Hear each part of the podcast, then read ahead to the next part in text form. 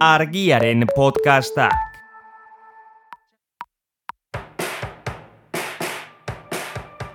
Menda bikoitza, garbinelarrearen podcasta. Sendabelarrei buruzko bitxikeriak, erabilera praktikoak, eta belarren munduan aritua eta aditua den jendeari elkarrizketak. Bi astelenean behin argia.eu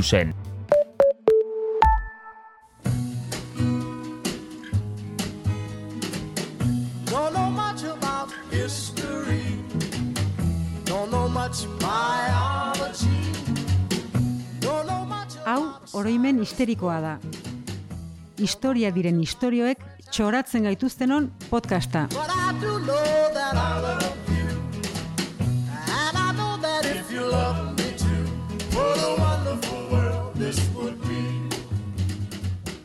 Don't know much about you. Zure amonari begira jartzean, begi batekin zure ama eta beste begiarekin aita aldi betera, aldi batera ikustea bezalakoa baldin bada, edo zure herriko herri Baskaia, Gabonetako familia Baskaren osantzekoa gertatzen bazaizkizu, ba, eskeskatu, lasai, e, nagore irazuzta horren auranga, irazuzta horren aurangak, e, lasotuko du zure keska gaurko saioan. Kaixo, Asier. Kaixo nagore eta e, punto. E, bai, bueno, gaur izan buruari begiratuta garbi dago e, berriro endogamiaz e, hitz egingo dugula. Nere abizenak eh, aipatuta berriro ere garbiago geratu da. Baina, esan behar du aurrekoan, ez? Aita eta ama primuak lehengo em, entregan, e, jaso genuen erantzuna ez genuela espero. E, gaia nola tratatu genuen ikusita, sare sozialetan masiboki kantzelatu gintuzten, eta masiboki denean, esan nahi dut, zehazki txio bat jaso genuela, ironiaz betea, eta hor lazioen txioak. Oso ondo pasa dut podcast honetan, abildua irazuzta barrena hori ni naiz, eta abildua asier elek, hori zuzara, exonormatibitatearen alde egin duten defentsa sutsua entzuten. Gainera, txio bakar hori e, etxeko norbaitek bota zuen, gorka berezi hartuak. Baina, esan behar dut ere, personalki e, batenen bat ere urbiltzu zaidala pixka bat kapazitistak e, ginela esanez, edo... Ja. Bai, eta orduan bigarren saio hau e, zertarako ingo dugu gure burua justifikatzeko. Bueno, nik ere justifikatu nahi nuke, pizkat, eh? Bai, Bai, alegato Ba, txiki, ni- alegato txiki bat. bai, zu hasiko zera edo... Gurasoen bezala. Na, zu hasi. Bai. Ba, gu, bueno, ni, eta zango nuke zure, ba, hizkuntza esbortitzaren alde tope gaude. Areago. E, zuta biok, horri buruzko Amelia Barkinen formakuntza saio batean, egonda gara, elkarrekin. Bai, Ez aldala. Argiak Bai. antolotuta. eta gero parranda. Eta gero parranda. Batzu gehiago, ez datzu gutxixo. E, tope gaude, hortan. Osa, gaude, gaude, tope gaude. Bai, Baina, gure entzulei esan behar diet, ba, politikoku, politikoki zuzenaren mugak errespetatzen saiatuko naizela, nita zitzen dut orain. Beti, beti, baina baldin eta monarkia eta pederazten e, multinazional katolikoak tartean ez baude. Hor, mm, auto salbuetxita mm, nago edo gaude. bai, moni autosalbutxi da nago, em, ba hori, azkenean besten zoritxarraz edo ez, ez gaitasunez barre egitea ez dagoelako ondo. Em, baina norbere buruaz barre egitea bai, eta asier, zuk aurrekoan eta oraingoan berriro ere nire abizenak aipatu zenituen, Bai. eta gerian utzi zenuen e, zenituen nire intimitate genetikoak. Bueno, Edo zati txiki bat, ze lau abizenena da izebergaren punta. Uste gaina aurrekoan ez nizuen erakutsi nire birraitona eta birramonaren Ah, argazkia. Bai. Bai, e, bueno, primoak ziela. Eta bizkiak ematen uste nun zutela. argazki bera zela. Hori da. beraz, Beraz, pertsona bera, barkatu. bai, beraz nik badut eskubidea endogamiaz nahi bezala hitz egiteko. Ba, ba, ba.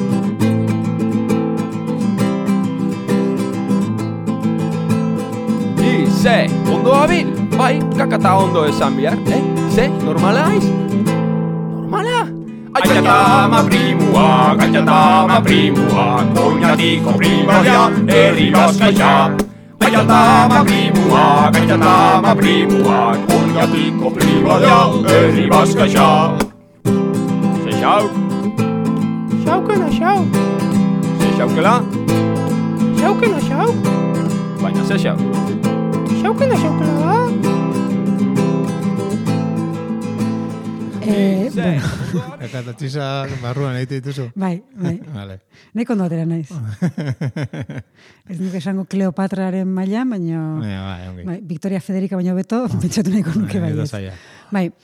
E, baina, bueno, zuk esan dezun bezala, gainera endogamiak eta endogamiak daude, ez? Eta nik bere izu nahi nituzke, endogamia hautatua nolabait eta derrigortua. Hau da, monarkiek, gutxiengo privilegiatuek, e, beren privilegioiei e, talde murriztu batean e, eusteko erabili izan dute endogamia, ez? Eta azken, osea, azkenean propio bilatu dute hori. Eta e, guk kasu hori egin genien burla, eta Ah, bueno. jarraituko dugu. Bai. Mm, bueno. Baina beste kasu askotan, ba, populazio isolatuetan, e, pues, endogamia ia derrigorrezkoa izan da, ez? Eta, eta gainera e, miseriarekin, ez? Miseria gorriarekin lotuta egon da endogamia hori. Mm. Bueno, gero dago goñatiko salbuespena, baina bueno, hori endogamia praktikatzen dute gustatzen zaialako, eta ez da zer gertatzen, eh? Bai, Osea, hori ondo do. nire familiarena ez dakit, ez dakit eh, arrazoia zein den. Baina ziren oinetiarrak. Ez, Ah. ez, ez, ez. Hori urrutiegi dago. Uste, lareun bat urtetan berroi kilometro egin ditula familiak. e, bueno, kontua da, esan dugu ez, bi errealitate daudela, ez? Txienez, endogamia e, behartua eta eta ez, ez behartua, hautatua. Eta gaurkoan ikusiko dugu bi errealitate horiek e, bat egin zutela denbora eta toki berean, Mhm. zehazki Lasurdesen mila betzinen da hogeita bigarren urtean. Lasurdes da Extremadurako eskualde bat, Kazeres iparraldean dagoena, Sal- Salamakarekin mugan, ez? Eta mila betzinen da hogeian, e, edo goiko markadan, Zortzi mila biztanle bizi ziren, oso egoera txarrean, e, inguru malkar, malkartsua zen, eta da oraindikan erabat isolatua, inkomunikatuta.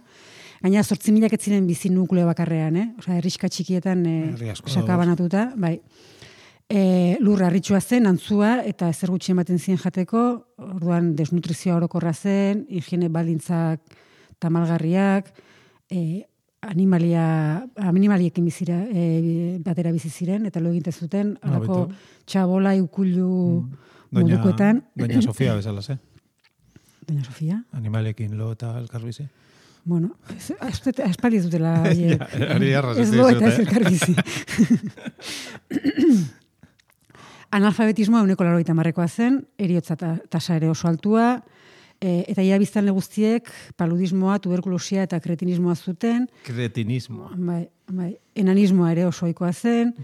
Em, eta azkenean balintza horiek isolamendu eta egoera hori eta ez eta eta hezkuntza falta horrek e, e, horiei guztiek endogamiara egiten zuten, ez? Eta alderantziz ere endogamiak egiten zuena zen arazo horiek Bai, guztiak areagotu, hori da, handitu. Esan beharra dago, egoera aspalditi zetorrela, ze e, Lope de Begak berak idatzi zuen e, horri buruz, em, amazazpigarren mendearen hasieran, eta orduz geroztik egia da batzuk salatu zutela, ez, zer gertatzen zen asurdesen, eta aleginen bat edo beste egin zutela egoera aldatzeko, baino, baino bueno, alegin ofizialik, etzen egin Espainiako erregea, Las- lasurdes erreskatatzera joan zen arte, eta bakizu zintzen errege hori. Zen,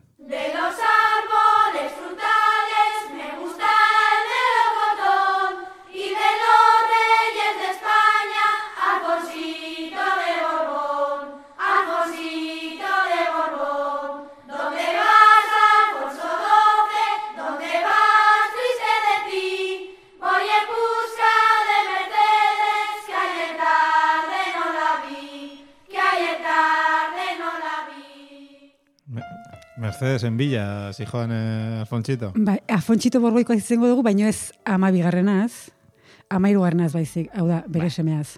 Jende gehienari makiltxo bat gora bera berdin dio. Bai, gaur egungo Espainiako erregaren e, birraitonaz. Ah. Bai, ja, horrek bir- birraitonak ere primoak seguro, ez? E, bai, Urrun ez. bai. Orduan, kontutuko izuet, pixka bat, e, ez, e, mila bat zion dagoeta bian, urdesen gertatu zenaren bertsio ofiziala edo, ez?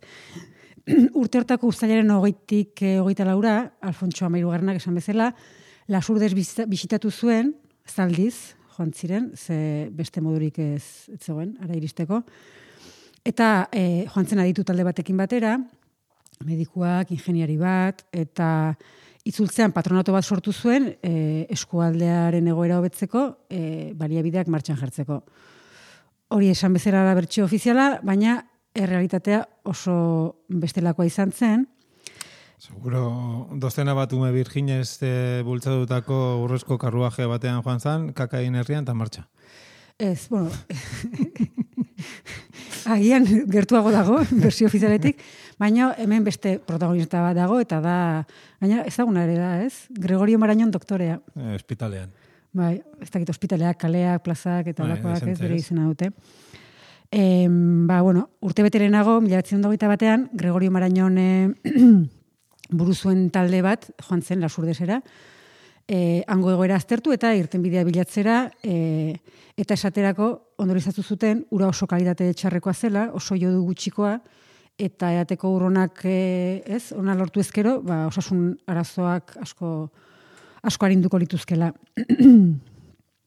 Baina Marañon, Marañon doktoreak bazekien hobekuntzak gauzatzeko babes politikoa behartzuela eta eta bueno, gizon ezaguna zen eta eragina bazuen eta orduan bere eragina erabiliz diputatu batzuk komentz, e, komentzitzea eta ez e, kontzientziatzea lortu zuen. Mm Baina galdera nola lortu zuen erregea komentzitzea. Farlo papiskata kaso. E, hori ez dakigu, Ez. baina egia da e, erregeak e, kongresuan gero eta presio handiagoa zeukala. Justo orduantxe anualeko ondamendia, ez? E, Rifeko garra. Bai, hori da. Pose horri buruzko eztabaida egintzen em, kongresuan, eta monarkiaren erantzukizuna hartu izan aleporatze zioten erregeari, ez?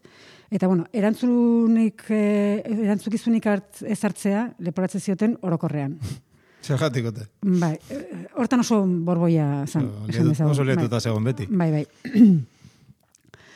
Em, eta orduan lasurdeserako, ez, bisita horrek krisi hori gainditzen lagunduko zion, ez? Hortarako balioko zion, azkenean bere burua zuritzeko.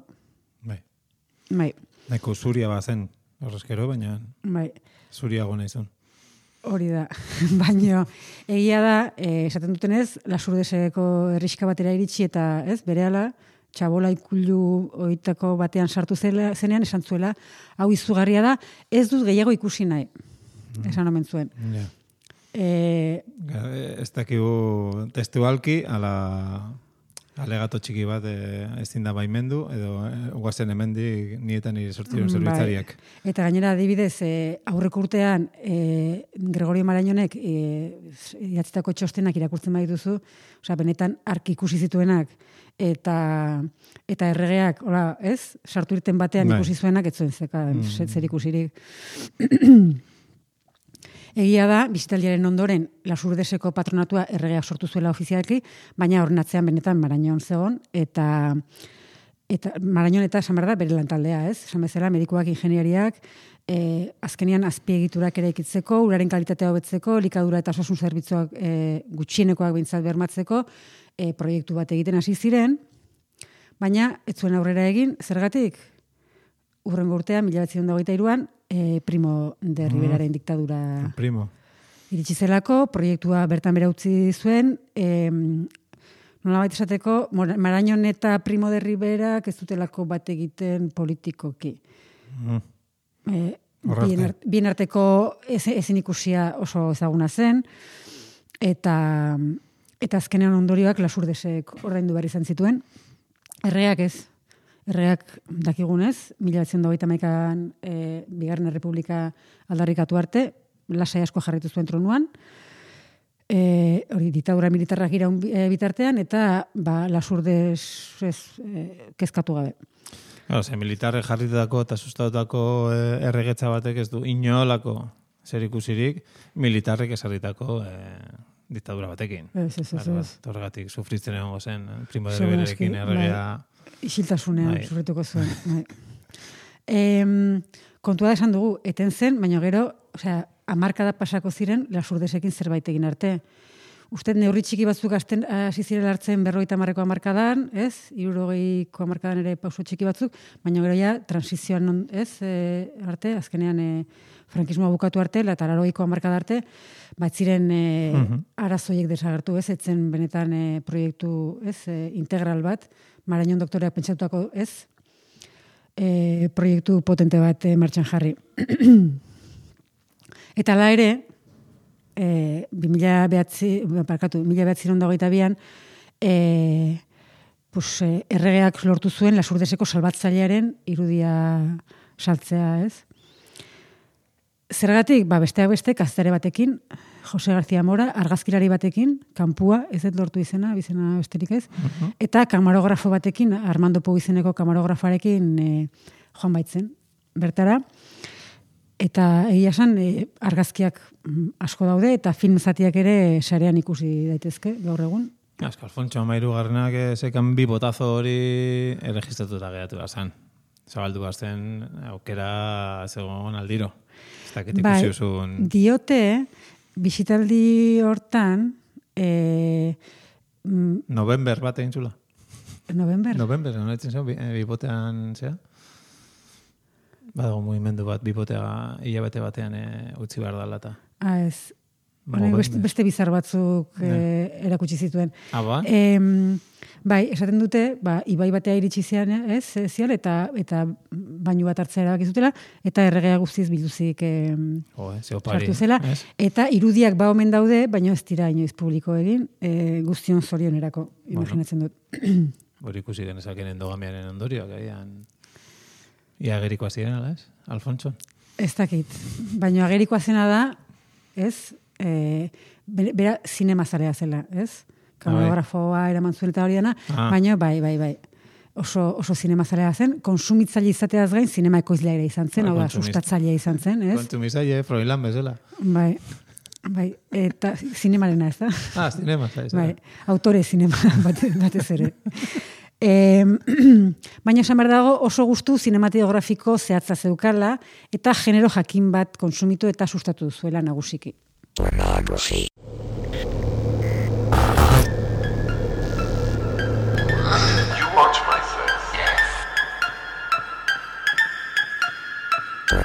My sex. You want my sex? Sex. Sex. Sex. Sex.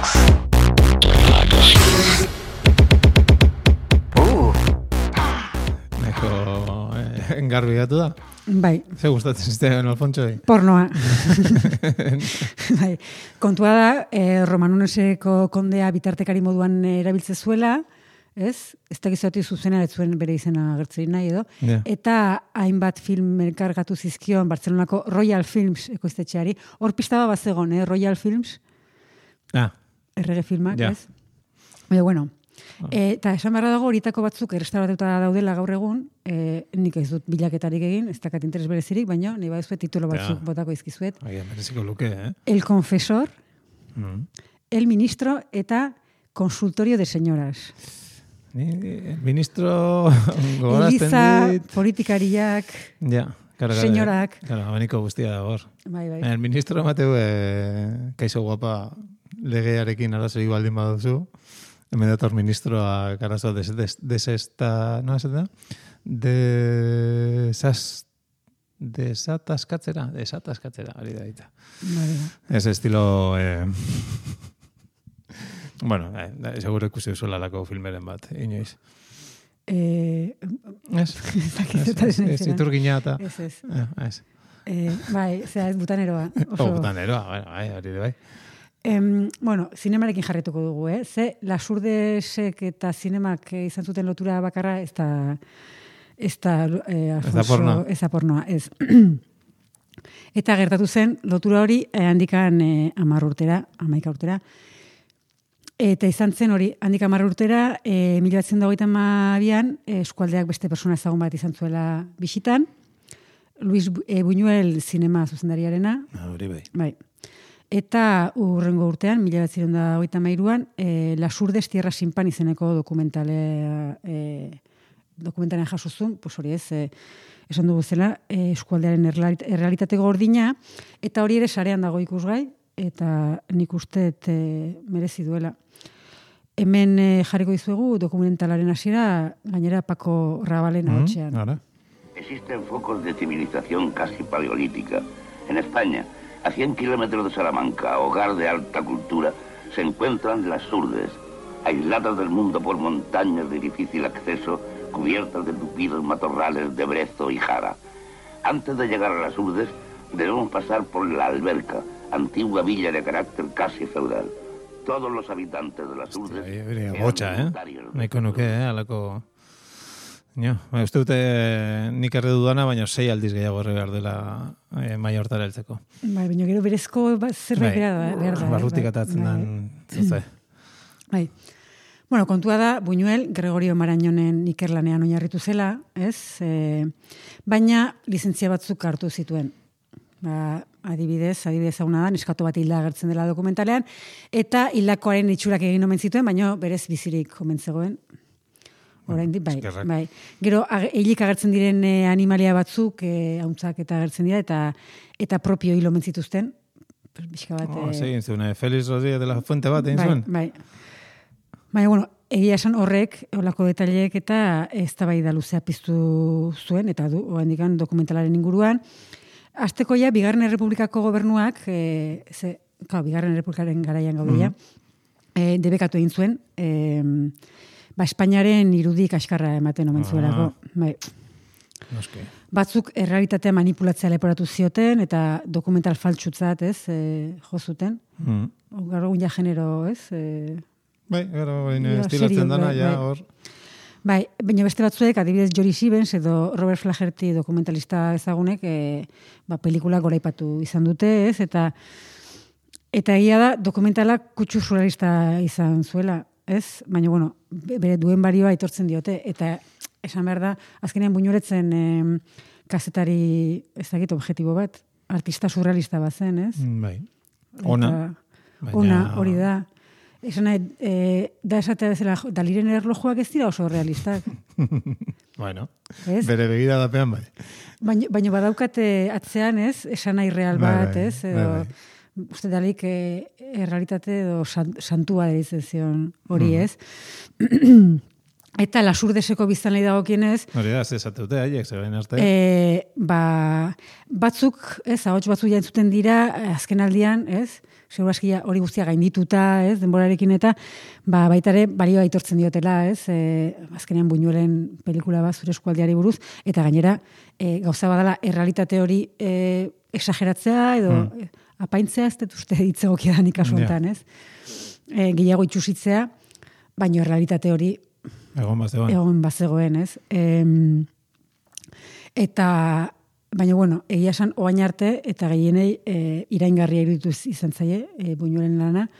Eta niri personalki asko iraingarriagoa iruditze zait, e, Alfonso Amairugarrenak bere burua zuritzeko egindako bideiaren filma, ez? Mm, ba, bai. Bai, bai. Baina, bueno, esan bezala, zorionez, gaur egun lasurdeseko biztanleek, ez, arazo e, hoi danak eh, gainitu dituzte, endogamia ere desagertu eginda, eta, eta borboien artean, ba, zer esango dugu, Bueno, pff, ez dakit ba. Bere leinu agian bi faktore salbatu lezaketela. Batetik eh, Juan Carlosek prostituzioaren travel klubeko puntu guztiak eh, eh, beteta ditula, eta agian hortik pues, seme ala furtiboren bat agertu aldala. Eta semea gehia denez, pues ez dut uste hortik beste inor gehiago sortuko denik, ez? ez dakit, nik... Eh, Az- az- ez dakit. o- Oraingo kontuetez baino, e, bida, e, ai, birraitona, zera, Alfonso Amairugarrenak, uste zazpi da zortzi em, semera bizan zituela, Ofizialki. ofizialki, beste bost, rekonozitu behar izan zituen e, Behar. bai, behar izan zituen e, zeatik ezkontzatik kanpo. Eta gero imaginatu, ez, e, Bai, bai, bidean geratutakoak. zenbat alfontxito egongo diren munduan. En fin, pues hala. Gora borboiak eta eta goza horiek. Mm, Hori da. Argiaren podcastak. Podcast hau libre eta doan zabaldezakegu argiaren komunitatea osatzen duten milaka lagunek proiektua diruz babesten dutelako. Zuk ere kazetaritza independentea babestu nahi baduzu egin argiako kide.